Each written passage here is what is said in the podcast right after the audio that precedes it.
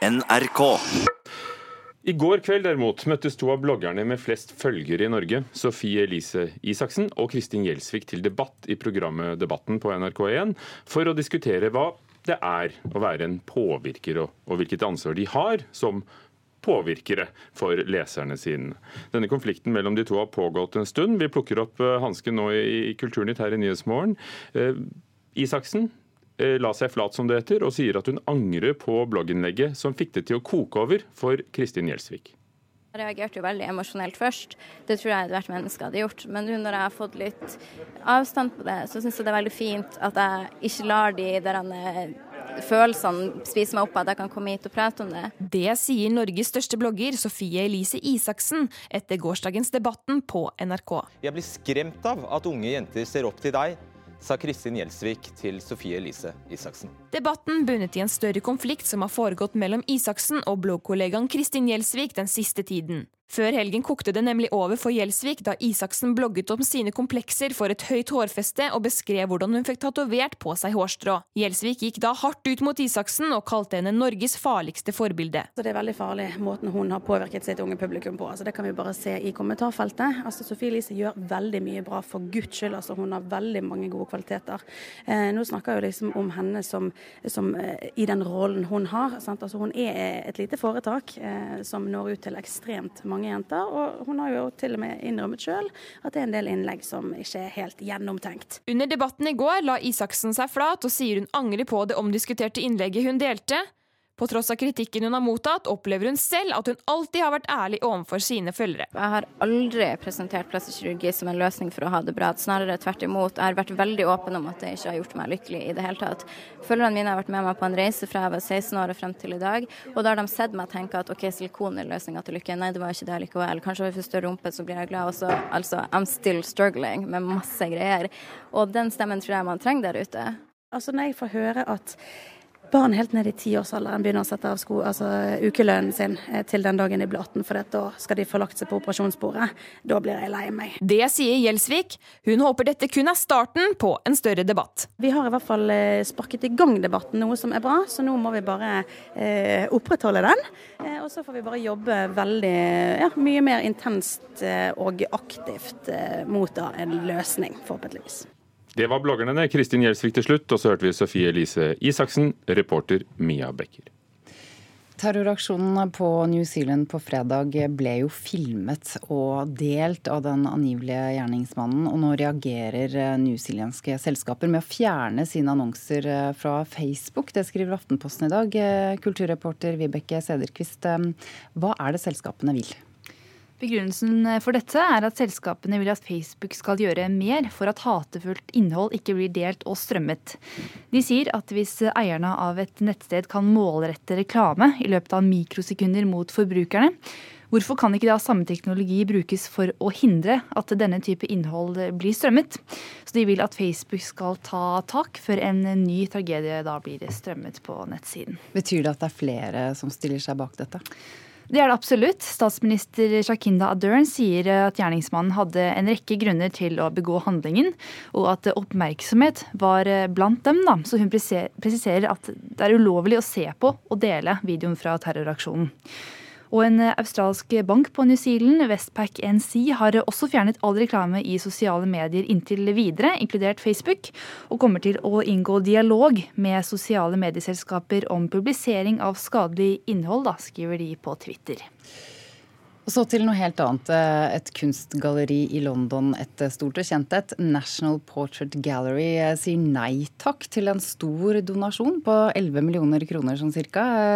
Hvorfor det?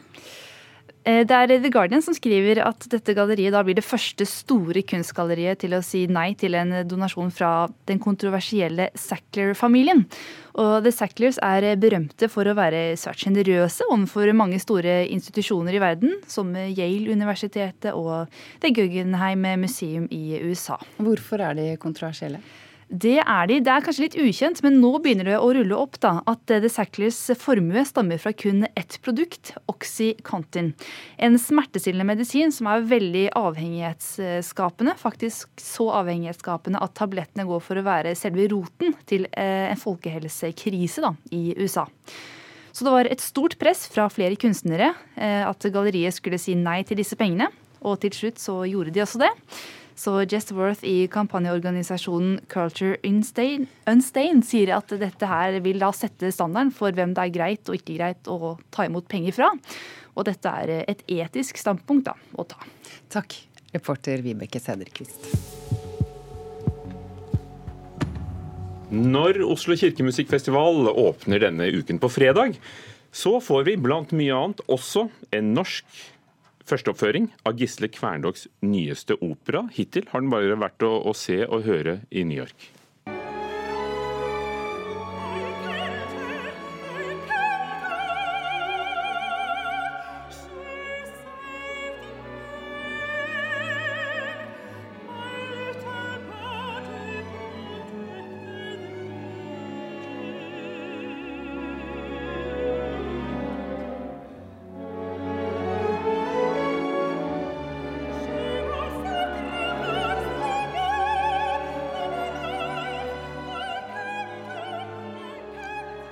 Det er nesten synd å begynne å snakke eh, mens Birgitte Christensen eh, synger. Gisle Kverndokk, god morgen.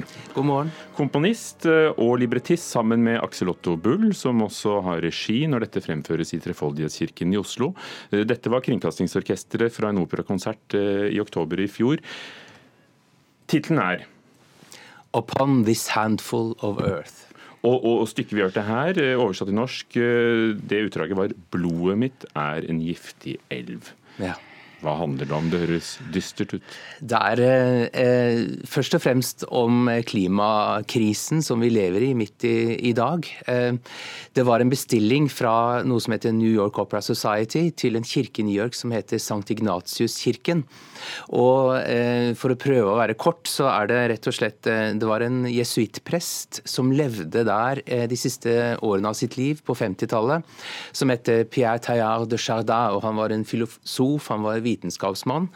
Og han var veldig opptatt av miljøet, opptatt av å ta vare på jorda. Og de ville gjerne at vi skulle bruke tekster av ham.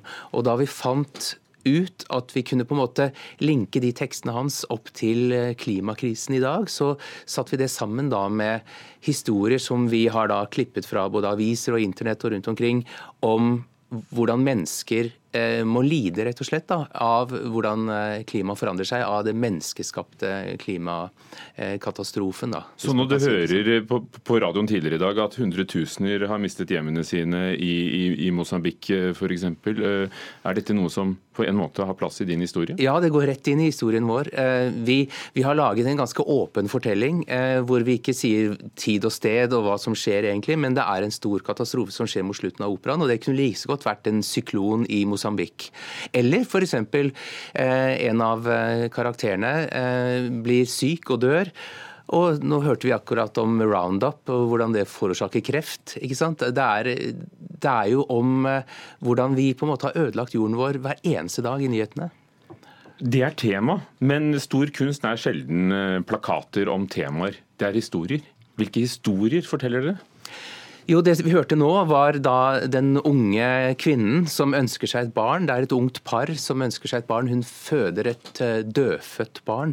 Um, og, og, den historien har vi da uh, hentet fra historier fra Tsjernobyl-ulykken. Hvordan uh, et barn i mors liv tok imot strålingen og reddet kvinnen, men ikke barnet. Eh, og, eh, så vi, vi følger skjebnene til eh, det unge paret. Vi følger skjebnen til businessmannen og hans kone, som, hvor han på en måte er skyld i en del av disse problemene, da, og, mens hun da må lide fordi hun, hun blir syk. Da. Hva kan en opera i en kirke si, som en forside på en avis ikke kan si? Opera generelt, da, om det er på en scene eller i en kirke, kan fortelle oss noe om menneskene og menneskeskjebner. Eh, eh, det emosjonelle, det, det, vi kjenner oss igjen i i dag. Og dette fremføres da én gang ja. nå i Trefoldighetskirken på, på søndag i Oslo kirkemusikkfestival. Er det, er det operakomponistens skjebne? Ja, min skjebne og andres komponisters skjebne er noe så forskjellig. Men vi, det, jeg er veldig glad for at det i hvert fall blir én gang. Dette er jo en festival, det er jo ikke noe operahus. Vi har uh, prøvd å få til dette med, med de midlene som, som, finnes. Og jeg er veldig glad for at de har satset på det. Med kostymer og scenografi Full og produksjon. Ja. Hva betyr det å gjøre det i en kirke? For mange, mange husker jo det som skulle være åpningsforestillingen jo rundt på 80 dager. Altså, du er vant til å lage for store scener, Absolutt. og nå i en kirke. Ja, eh, jeg bruker kirken for alt det har vært. Jeg bruker rommet. Eh, vi, vi, har jo mange kor. Vi har Oslo Domkor, vi har barnekor. Alt, eh, vi bruker hele rommet. og, og det fantastiske Trefoldighetskirken, hvordan den også på en måte framstår. da.